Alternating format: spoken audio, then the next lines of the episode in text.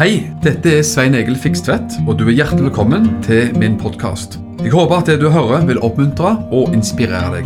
Ønsker du mer informasjon om arbeidet i drivet, så kan du gå til mission-alliance.org. Gud velsigne deg. Ja, eh, vi skal gå rett på sak, egentlig. For at, eh, vi skal ikke bruke tida på snikksnakk heller, vet du. Men eh, vi er i rute sånn sett. da. Skal tale om Jeg kjente på det her nå i sommer en gang jeg satt og pratet med Herren. Og uh, tok en kopp kaffe med Herren. Det er godt, vet du. Ja, vi er ikke med Herren sitter og drikker kaffe i himmelen, men uh, Men, men uh, det er veldig fint å prate med Herren, du. Og ta en sjokolade og La det åpent. Jeg hører veldig mye fra Gud med litt kaffe og sjokolade. Ja vel, det er litt spøk det også, da. Men jeg kjente på det at nå og i høst så skal jeg preke en del om Jesus. Man preker ofte emner i Bibelen. I forrige søndag her så hørte man veldig mye bra om, om Guds frykt av Inge. Om en preker mennetid eller bønn eller nådegaver eller det ene og det andre, så er det ofte sånn emneinndelt. Men jeg har lyst til å prate om eh, Jesus, altså personen Jesus, og, og, og sette fokus på hvem han er, osv. Og sånn. Og eh, jeg rekker ikke alt, Du skal få et overblikk i dag, da, sånn at vi skal kanskje rekke uten å stresse. Så skal jeg prøve å gi deg en sånn oversikt her i dag, da. Sånn at eh, eh, du får med litt av hvert. Uh, litt om Jesus i Gamle testamentet. Jesus i evangeliene. Uh, Jesus den han er her i dag. Altså Jesu nåværende stilling og posisjon. Bibelen har mye å si om det. Og den Jesus som vi en gang skal få lov til å se. Priser Gud. Da skal vi lese om eh, Og det er mye mer å si om det også, alle de tingene, men det at når mennesker møter Jesus, vet du, så blir det alltid en fantastisk forandring. Spor det. altså se, finn, finn tidligere muslimer som har møtt Jesus. Da blir livet annerledes. og Enhver trenger å se og oppleve Jesus. Paulus sa det. Nå tar jeg det allerede ut, av, det, ut forbi det jeg har her. Men Paulus sa vel i Galaterbrevet en plass der Han sa at eh, Gud bestemte, sa han, å åpenbare sin sønn for meg. Og det kan også eh, oversettes som 'i meg'. Gud bestemte å åpenbarte sin, åpenbare sin sønn i meg og for meg. For at jeg skulle forkynne ham for folkeslagene. Og det er egentlig, Om ikke du har opplevd og vi har møtt Jesus og ramla hesten, sånn som Paulus gjorde vet på vei til Damaskus, og, og har liksom en, den type spektakulær eh, opplevelse på den måten, så vi trenger alle av oss vår egen opplevelse av Jesus. Og oppdagelse av Jesus. For bare den Jesus man har sett og oppdaget og møtt, kan man egentlig preke videre til andre. Og formidle videre til andre. Så Gud ville at eh, han ville åpenbare sin sønn for Paulus, for at Paulus deretter skulle preke denne Jesus for folkeslagene rundt omkring. Nå går vi fra Paulus til Johannes. 1. Johannes 3. Det er fantastiske vers som jeg eh, liker. Alle av oss har nok et godt knippe med eh, favorittvers i Bibelen. Selv om vi tror på hele Bibelen og leser hele Bibelen. Amen. Leser fra perm til perm. Inkludert permen, bare for å være helt sikker på sida. Amen. Så vi tror på det, alt, eh, hele Bibelen. Men du, og sentra, det sentrale er Jesus, det skjønner man. Og Da er det Johannes som sier dette. Johannes, eh, 1. Johannes 3, vers 1-3. Se hvilken kjærlighet Faderen har vist oss, at vi skal kalles Guds barn. Derfor kjenner, vi, kjenner ikke verden oss, fordi den ikke kjenner ham. Du vet, Der er, står, der er gull i hvert eneste setning her, altså. Se hvor stor kjærlighet Faderen har vist oss, at vi får kalles Guds barn. Skjønner, Om du aldri ble noe annet her i verden enn Guds barn, så har du eh, ganske mye bra, altså. Da har du det som trengs. Og så er det jo sånn, og derfor så kjenner verden oss ikke. Altså, Du blir da en fremling for denne verden på mange områder. Fordi den ikke har kjent ham. Så da, Det er derfor du er så annerledes. Det er Derfor folk ser på deg med rare øyne. Hvis du har lurt på hvorfor det. Det, det er ikke fordi du glemte å se deg i speilet på morgenen og stelle deg. Det er fordi de ser at du er annerledes. vet du. Vers 2. Elsker det, sier han. Nå er vi Guds barn. Den er fin. Takk for å preke bedre enn det du gir uttrykk for. Og det skal ennå ikke bli åpenbart hva vi skal bli. Det er òg tøft. Nå er vi Guds barn, Og så sier Johannes at det er ennå ikke åpenbart hva vi skal bli. Så det der kommer mer enn bare, bare, gåsøyne, bare å være Guds barn. Det kommer noe mer. Gud tar det alt til et nytt nivå. Det er fantastisk. Så det er ennå ikke åpenbart hva vi skal bli. Men, sier han, vi vet at når han blir åpenbart, altså Jesus blir åpenbart Selvfølgelig for oss i våre liv, personlige liv anytime, men også når han blir åpenbart i all sin herlighet en dag der framme skal vi bli ham lik, for vi skal se ham som han er. Vi skal se ham som han er. Å være den som har dette håpet til ham, altså hvilket håp? At vi skal se han som han er. Han renser seg selv like som han er en. Så det er veldig selvrensende opplegg. altså. Det At vi har et håp til Jesus Kristus. Vi skal se ham som han er. og Jeg har kalt liksom min, eh, min eh, undervisning her, og liksom det jeg kommer til å preke utover rundt omkring i høst, det jeg har kalt for 'Vi skal se ham som han er'. Det som er interessant og sterkt og rørende, det er jo at det er Johannes som sier dette. Og den Johannes hadde jo vandra med Jesus for en del år tilbake, før, før dette, eh, fysisk sammen med Jesus. Ikke sant? Han var blant de tre søylene, som så Jakob, Peter, Jakob og Johannes. Og han hadde jo sett Jesus sånn som han er. På mange måter. På det første så, så han Jesus som menneskesønnen. Den vanlige Midtøsten-lookalike Jesus. Som hadde brunt hår og brunt skjegg og brune øyne og, og så så ut som en eh, Midtøsten-person. Jøde og møtte Jesus på den måten, med sandaler og med kjortel, og som spiste fiskebrød og drakk vin og forskjellig. Den Jesus hadde han møtt. Og så kom jo et stort stort høydepunkt i Johannes sitt liv. Også Peter vitner jo sterkt om det. I det siste ord vi har fra Peter i 2. Peters brev, så, så, så nevner jo også Peter det. Og, og nå tar vi Johannes her nå, da at Peter, Jakob og Johannes en akkurat dag fikk lov til å være med Jesus på en egen fjelltur. Og Det var til det som man kaller for Forklarelsens berg. Og Der fikk de se denne brune Jesus, da, brunøyde Jesus, da bli blendende hvit, skinnende hvit. Og det må ha vært et, eh, noe fantastisk. altså. Det må ha vært både et sjokk, men et positivt sjokk. At de så plutselig så blir denne Jesus hadde dratt dem med på fjelltur, så blir han skinnende og blendende hvit. Alt var hvitt. Alt var bare skinnende og strålende. Og de, de blir slått ut, vet du. Og da er det Peter som klarer endelig å Har du merket når, når, når, ting kan i en sammenheng kan bli litt sånn pinlig taushet? At det, noen må si noe fort. Og det er mulig, muligens det som slo Peter, for da, da tenkte han at her må noen si noe. Og Da sa Peter da at herre, det er godt at vi er her, sa han. Det er jo bra sagt. da er det positivt. Og Så sa han la oss, la oss bygge tre hytter, sa han. For da var det jo, de fikk se Jesus, og de fikk se også Elias og Moses sammen med Jesus.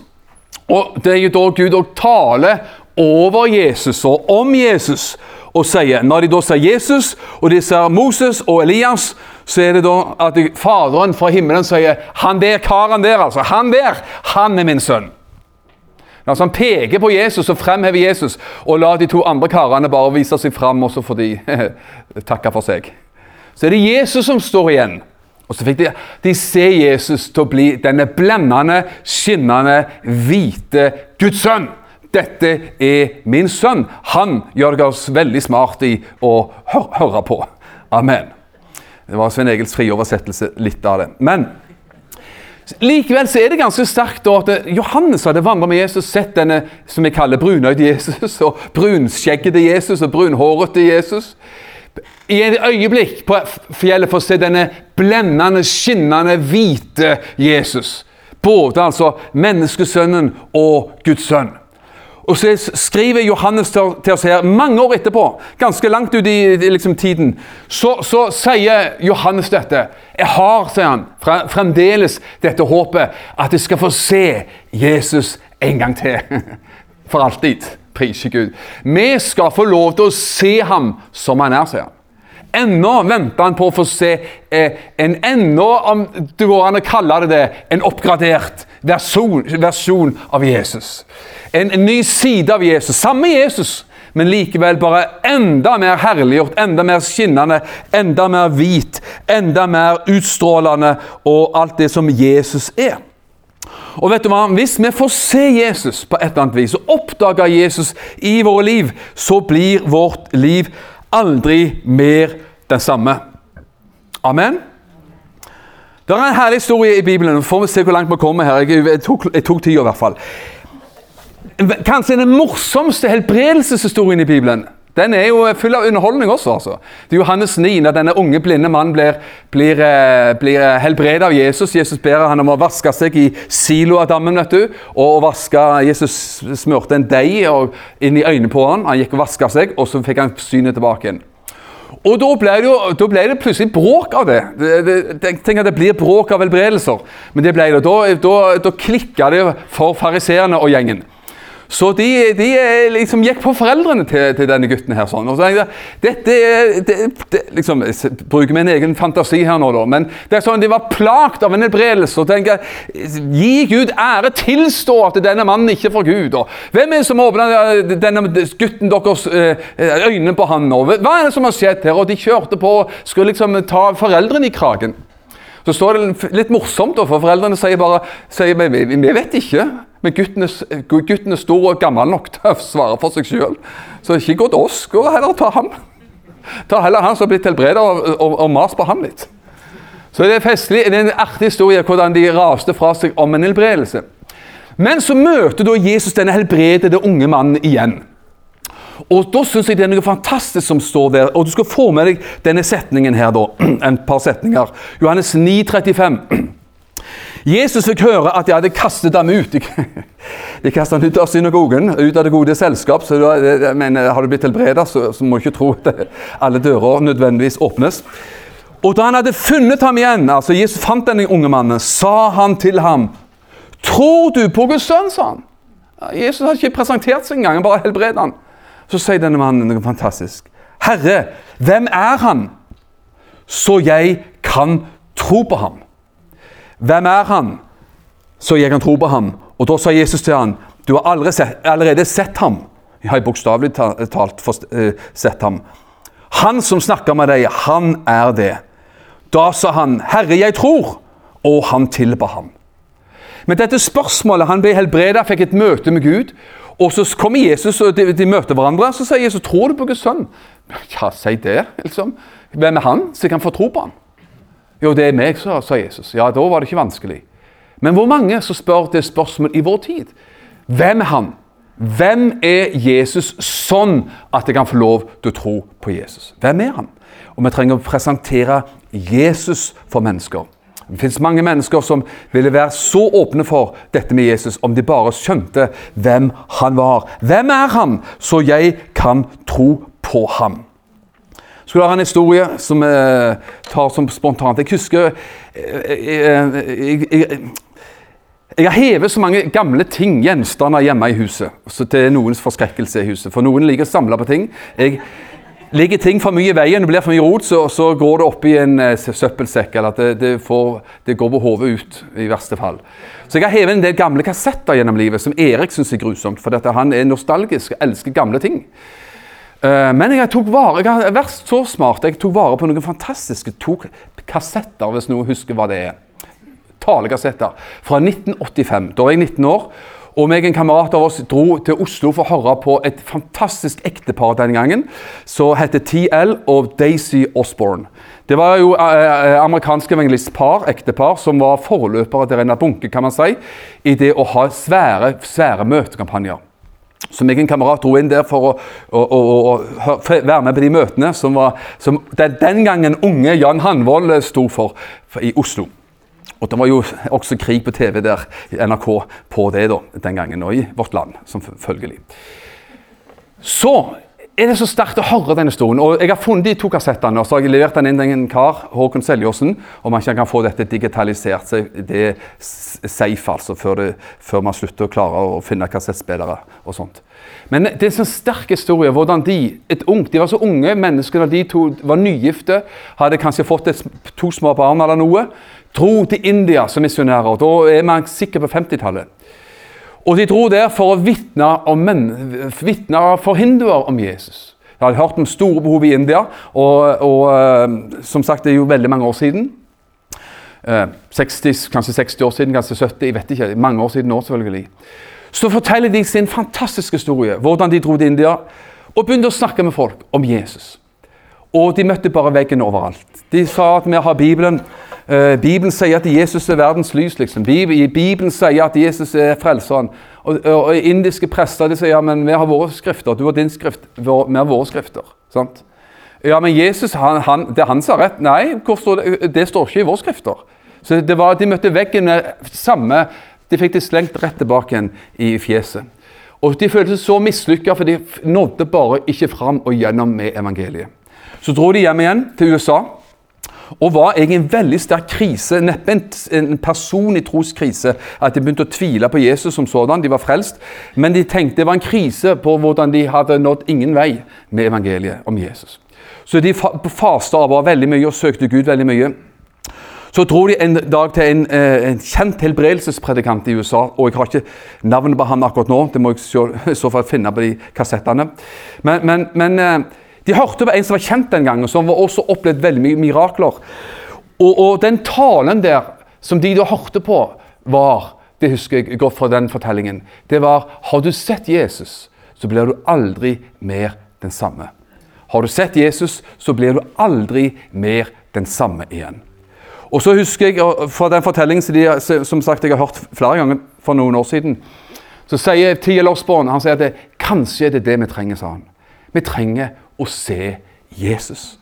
Vi trenger å se Jesus. Og Enten det var samme kveld eller kort tid etterpå, så opplevde Tia Losborn at Jesus sjøl kom til ham faktisk inn på soverommet mens kona lå på siden av og sov. Så kommer Jesus i et syn, eller om det, hvor fysisk det var. Jesus kan komme fysisk, eller at det kan være et, mer et type syn. Det, det vet jeg ikke. Men Jesus kom inn, inn på soverommet, snakket med ham, snakket om hvordan tjenesten og livet hans kom til å se ut. Så det var veldig, veldig, eh, veldig konkret. Og så sier Daisy, da, kona, når hun våkna på morgenen der, og sånt, så sa hun bare én ting. Jeg så med en gang at jeg har fått en helt ny mann. Og han der sett Jesus. Og fra den dagen av så, uh, så, så, prakt, så, reiste de ut igjen som evangelistpar. Mye til Afrika, mye til India, mye rundt omkring. Og opplevde selvfølgelig kolossalt mye med mirakler. Og deres liv er jo et eventyrlig liv. Og de, som hos mange andre, finnes på YouTube. Og, og vel, man gjør vel å få tak i historien til sånne mennesker. Har du sett Jesus, så blir du aldri mer den samme. Sånn er det for oss, eh, også for oss i dag Samme hvordan du har sett Jesus, om du har sett ham på den dramatiske måten, eller om du har sett Jesus gjennom Bibelen, men ditt personlige møte med Jesus er jo det som er så viktig.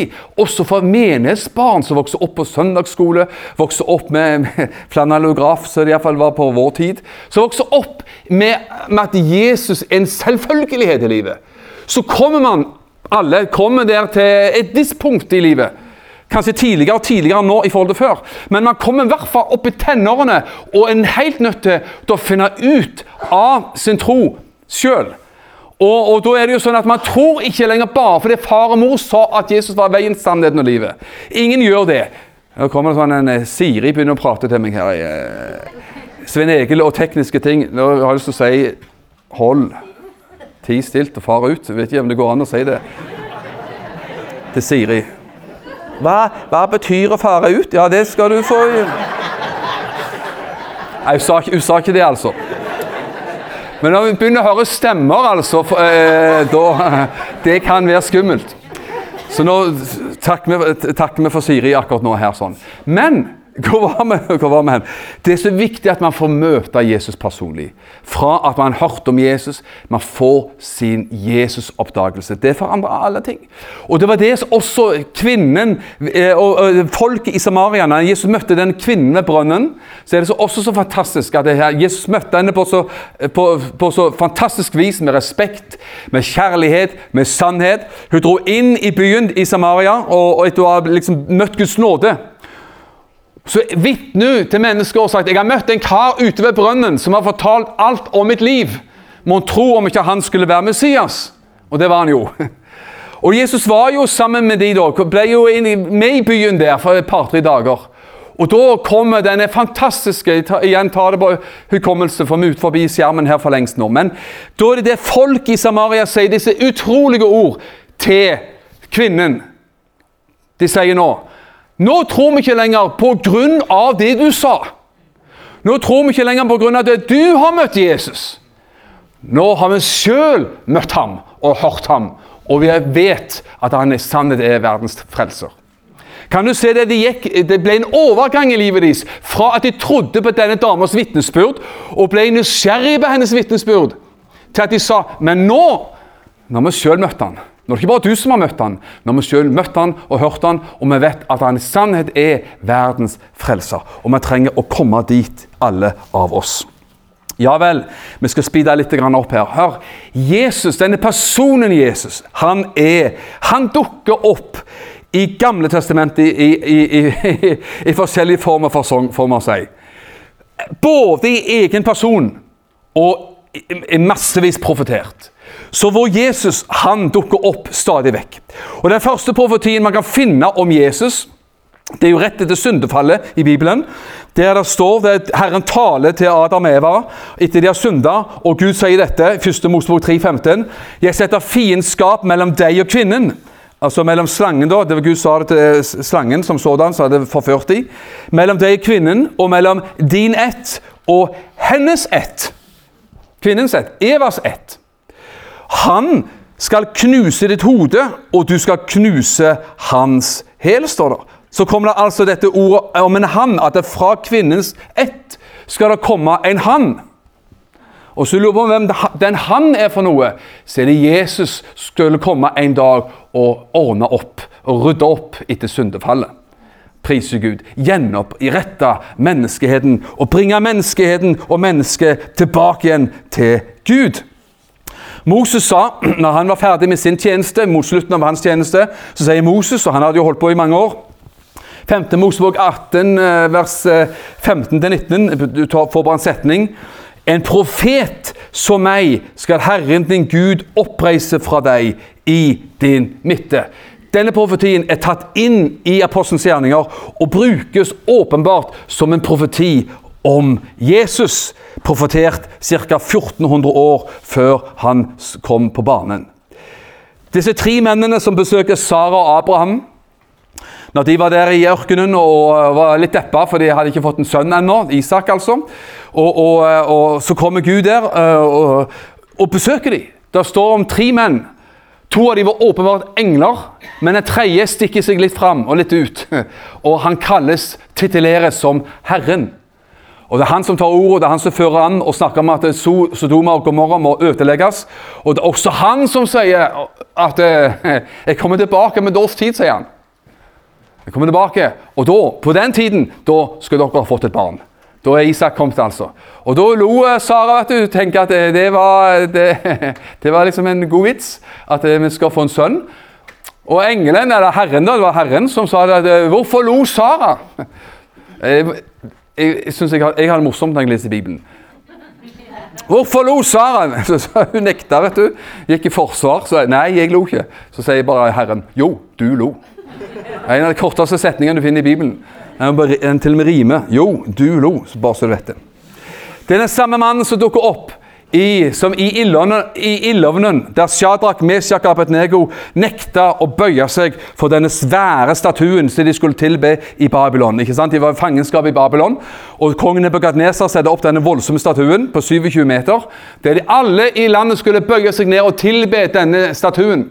Unntatt disse opprørske og gjenstridige og gudfryktige jødene Shadrach, Meshach og Abednego. De nekta det, vet du.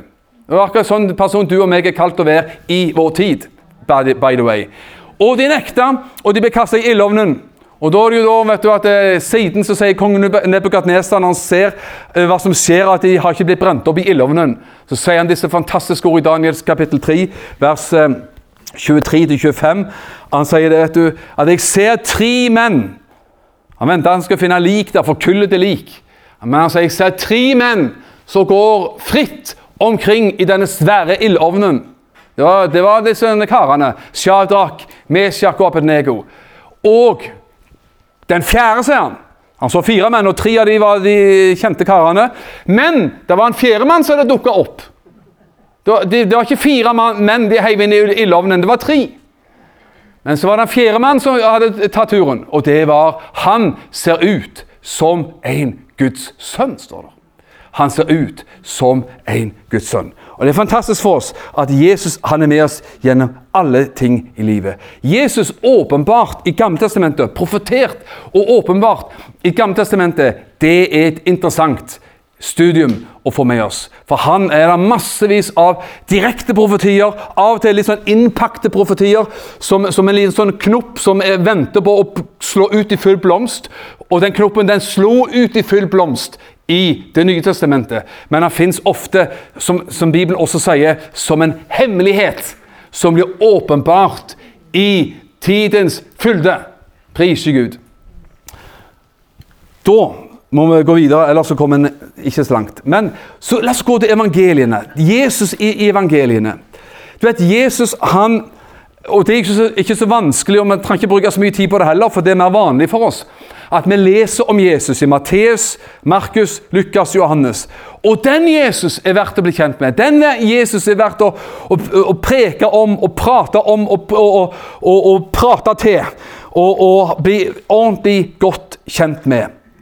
Han og denne overgangen fra at han var i himmelen og kom ned til vår jord, som gjerne kalles for inkarnasjonen, er også viktig å få med oss. At han var Gud fra all evighet av, men blei menneske. Tok på seg kjød for oss. Da må vi lese disse versene fra Johannes 1, vers 1-5. Det er kjente ord, vet du. Den såkalte prologen i Johannes evangeliet. I begynnelsen var Ordet, og Ordet var hos Gud, og Ordet var Gud. Han var i begynnelsen hos Gud. I begynnelsen var han hos Gud. Alt ble til ved ham, og uten ham ble ingenting til av det som ble til. Så han var med på skapelsen, vet du. I ham var liv, og livet var menneskenes lys. Og lyset skinner i mørket, og mørket forsto det ikke, eller tok ikke imot det. Og så kommer denne, dette mirakelet og dette mysteriet. Vers 14. Og ordet ble kjød og tok bolig iblant oss. I begynnelsen var ordet, han var i himmelen fra evighet av, i alls herlighet. Men så sier dette utrolige, at dette ordet, det blir kjøtt. Det kommer ned her på jord, får på seg en kropp, og blir altså en, en av oss, tok bolig iblant oss. Og da er det sånn, og da fikk vi, vi så hans herlighet, den herlighet som den enbårne har fra Faderen, full av nåde og sannhet. Bare i de versene her så finner vi eh, dette som kalles for Jesu preeksistens, at han var i himmelen fra evighet av. Hans guddommelighet er bevist i disse versene. Og inkarnasjonen, at han kom ned og tok på seg en kropp, et kjød, og ble en av oss. Ble menneskesønnen. Det er altså her bevist fra disse versene her. Jeg er nødt til å ta med også, om vi, eh, om vi ikke rekker mer her i dag, så er jeg happy med å lese Filippane 2, vers 5-11. Der får du evangeliet, ikke bare evangeliet, der får du frelseshistorien i 5-6-7 vers. 6-7 vers. Tenk det, Hele vår frelseshistorie, he hele Bibelen er jo frelseshistorien. Men tenk at Gud av og til gir oss sånn en, bare sånn en komprimert form. Sånn uh, full fartform når du, bare ikke, når du en dag ikke rekker å lese Bibelen. liksom, hele Bibelen. Det rekker du ikke på en kveld. Men skal du bare ta Bibelen, frelseshistorien på en lørdag formiddag eller før du spiser frokost, så har du Filippene 2, vers 5-11. La dette sinn være i dere som også var i Kristus Jesus. Amen. Og nå kommer det. Han som var i Guds skikkelse Han var i Guds skikkelse, men holdt det ikke for å tilrane et gode å være lik Gud. Han var Gud, han var i Guds skikkelse der oppe i himmelen før han kom, fra all evighet av. Han var Guds skikkelse, men holdt ikke for tilrannet gode å være lik Gud. Altså så, så, begynner det nå å skje noe. Men, står det vers 7, han uttømte seg selv. Det er bra oversettelse, det er denne her som sier det. Men andre oversettelser sier han ga avkall på sitt eget.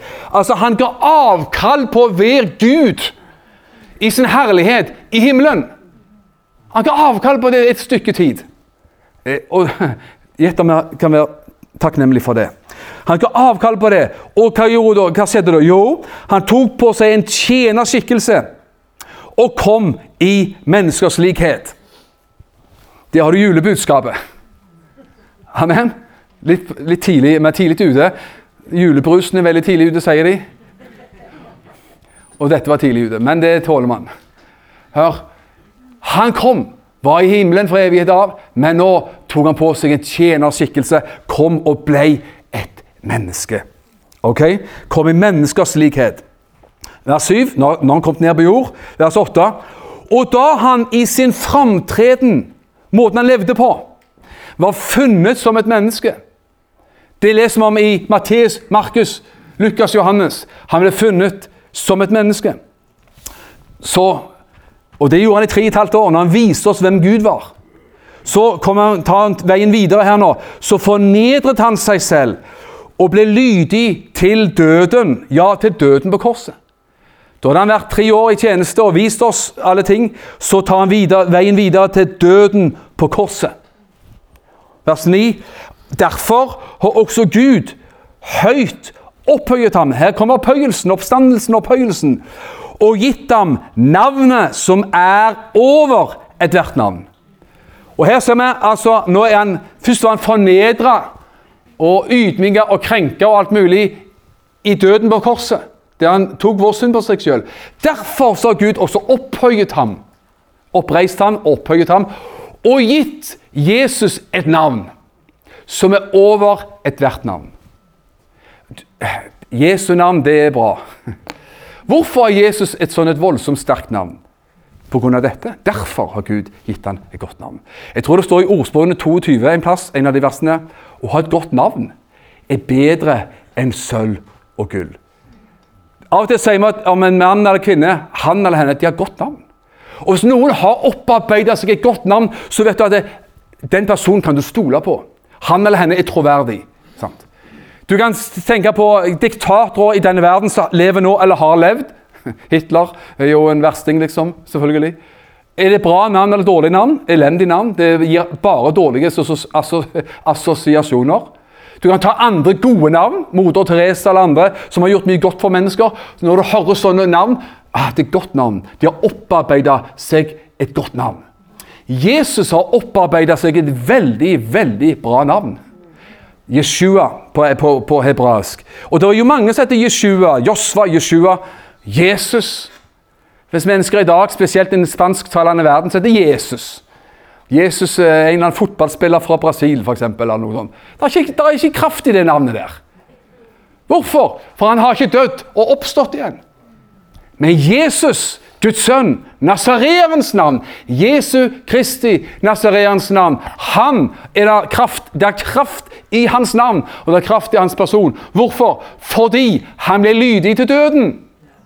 Og har stått opp igjen fra de døde. Derfor er det som om Gud har lada opp navnet Jesus med veldig kraft. Priser Gud fordi det er Han som har dødd og oppstått for oss, fra, for oss, sånn at vi skulle slippe å gå den veien der. Vers 10. For at i Jesu navn skal hvert kne bøye seg. Dere som er den jordiske verden, himmelske verden, dere som er på jorden, og dere som er under jorden. Og foran hver tunge skal bekjenne at Jesus Kristus er Herre til Gud Faders ære.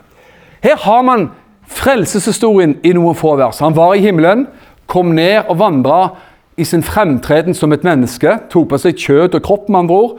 Gikk dødens vei og korsets eh, vei for oss. Frelsen, forsoningen. Derfor har Gud opphøyet ham. Det er oppstandelsen og opphøyelsen til himmelen. Og han har et navn i dag som er mektig til å frelse enhver person som påkaller det navnet. Derfor sier Bibelen i Romane 10 enhver som påkaller Herrens navn, skal bli frelst. Ja. Det er godt å komme fram her. Det oss gi seg. Nei, Vi får vekk det tullet her. Det kommer opp så mye rart. Man får lyst til å si mye nå, men det skal vi jo Nå kommer det opp masse meldinger òg. Meldinger. Hvor er Kan du være mer spesifikk? Kan du være mer resp- Ja, fikk, fikk fem treff, ja. Da, takk skal du ha. Og når jeg, ut fra det jeg, treff, ut fra det jeg har prekt nå, så kommer det opp eh, noen som Skal du høre det? Det er litt morsomt her, da. Jeg har tydelig sagt Gud veldig mye, for her kommer det navn, navn som heter Gudny, f.eks. Jeg kjenner ei som heter Gudny, som bor borte i Sandnes. Og Daniel kommer opp nå, ja. Så det går på Ja, det, ja. ja vi har snakket om Daniel kanskje også.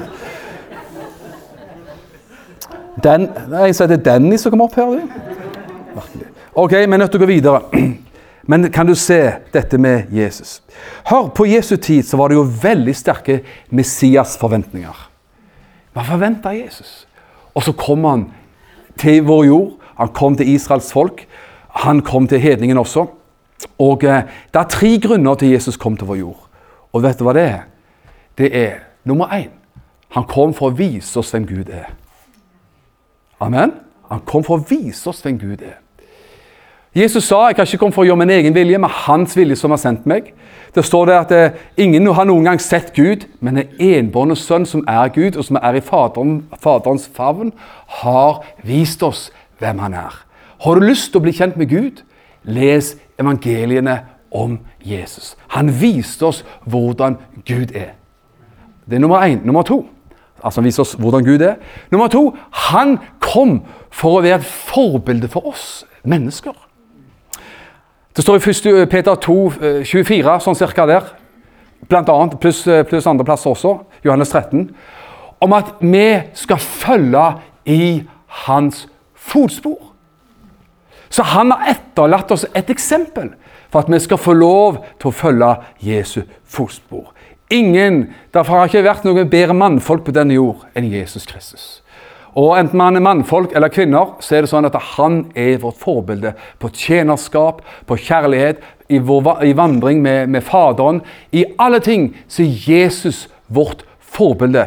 Han har lagt lista ganske høyt, kan man si, men det er, eh, det er fullt mulig for oss å følge han som vårt fremste eksempel her på jord. Også mennesker som ikke tror på oppstandelsen, at han lever i dag og at han er Gud, sier Jesus var i hvert fall et godt forbilde. Han kom for å vise oss hvem Gud er. Han kom for å gi oss et eh, godt eksempel som vi kan etterfølge. Og selvfølgelig så kom han for å gå på korset. Dø på korset. For å sone vår synd, for, eh, vår synd, verdens synd osv. sånn. Prise Gud. Vi skal ramle, gå veldig videre og bare si det. Jesus har i dag en opphøyd tjeneste, og Bibelen sier han går i forbønn for oss. Er det bra? Prise Gud. Han går i forbønn for oss, og han har nå, sier Bibelen, satt seg ved Guds høyre hånd i, ved Guds trone. Så det er den opphøyde Jesus. Han er ypperste prest, han går i forbønn for oss, og hans blod taler vår frelse og vår sak i den himmelske verden. Han bar fram sitt blod i den himmelske helligdommen, sier Bibelen, Hebreerbrevet, og der taler hans blod. Hva tror du? Hans blod taler for oss. Tror du det taler hevn? At blod taler at jeg er sur på de folka som tok livet av meg? Nei. Hans blod taler forsoning. Hans blod taler frelse. Forsoningsblodet taler enn i dag. Og det fins enn i dag, for han brakte så ypperste prest dette blodet inn i det aller helligste. Når Jesus døde på korset, så døde han og var lammet, offerlammet som ble slakta. Et uskyldig offerlam som ble drept for verdens synd. I dag er han ikke lammet på den måten, men i dag er han en ypperste prest i himmelen. Og den Jesus som en dag så kommer igjen, hva er han da for noe? Er han lam? Er han ypperste prest? Da presenterer Bibelen han som kongenes konge og herrenes herre. Da kommer han i majestet på en helt annen måte enn det han noen gang har gjort før. Og da er det samme Jesus. Samme Jesus, bare for å si det sånn, med en annen uniform på seg. Altså, Kong Harald vet du, han, han går ofte i dress, litt sånn klassisk eh, blådress og sånt. Andre ganger så er det litt mer stilig, spør du meg, da, når kong Harald tar på sånn galla- gallauniform eller uh, militæruniform. Han har jo forskjellige slags kledninger, alt etter hvilket oppdrag han har. ikke sant? Og Sånn er det med deg og meg òg. Eller Jesus også, du og meg òg, har eh, rustningen på. Men Jesus han kommer tilbake som kongenes konge og herrenes herre. Og Der skal du få ett vers til slutt, og da skal du eh, eh, eh, ikke Skal vi gå Skal vi si ammen, altså? Prise Gud. Hebreerne Hebreerne 10-12 skal vi ta. Men etter at han hadde båret fram et evig offer for synder Det gjorde han på korset, er du enig i det? Satte denne presten seg ved Guds høyre hånd, der er han nå. Og så står det et interessant vers. Fra da av venter han inntil hans fiender blir lagt som skammel under hans føtter. Han er i himmelen inntil hans fiender blir lagt som skammel for hans føtter. Og Det kan bety to, to, ting, tror jeg. Nemlig det at her og nå så venter Jesus på at hans menighet ved forkynnelsen av evangeliet skal vi være med og legge Guds fiender, djevelskapen med andre ord, under Jesu føtter. Han har vunnet seieren. Han venter hans kropp nå. Han er hodet, vi er kroppen. Han vil at hans kropp skal være med og trampe djevelskapen under Jesu føtter. Amen. Så det venter han på. Og så vet vi at det endelige slaget mot all ondskap, djevelskap og antikrist og alt sammen, ifølge Tessalonikerbrevene, det skjer når kongenes konge bryter gjennom og kommer ned og tar og, og ødelegger antikrist, den lovløse, ved pusten fra sin munn. Priser Gud. Ikke fordi han er dårlig ånde, men fordi det er kraft i hans ord. Det er kraft der. Ut fra hans munn går det et tveget sverd. Prise Gud. Det er vår Jesus. Og det er fantastisk å tilhøre kongenes konge og herrenes herre. Det var litt røffelig, og vi har hoppet inn og ut av ting som jeg tenkte å si og ikke tenkte å si. Men, men eh, det er fantastisk å være fokusert på Jesus. Har du sett Jesus, så blir du aldri mer den samme. Har du sett Jesus, så blir du aldri mer den samme. Vi skal se ham som han er. Tenk at Johannes hadde det hadde det eh, for seg, selv om han hadde sett Jesus på Forklarelsens berg. Vært med og sett Jesus gå på vannet.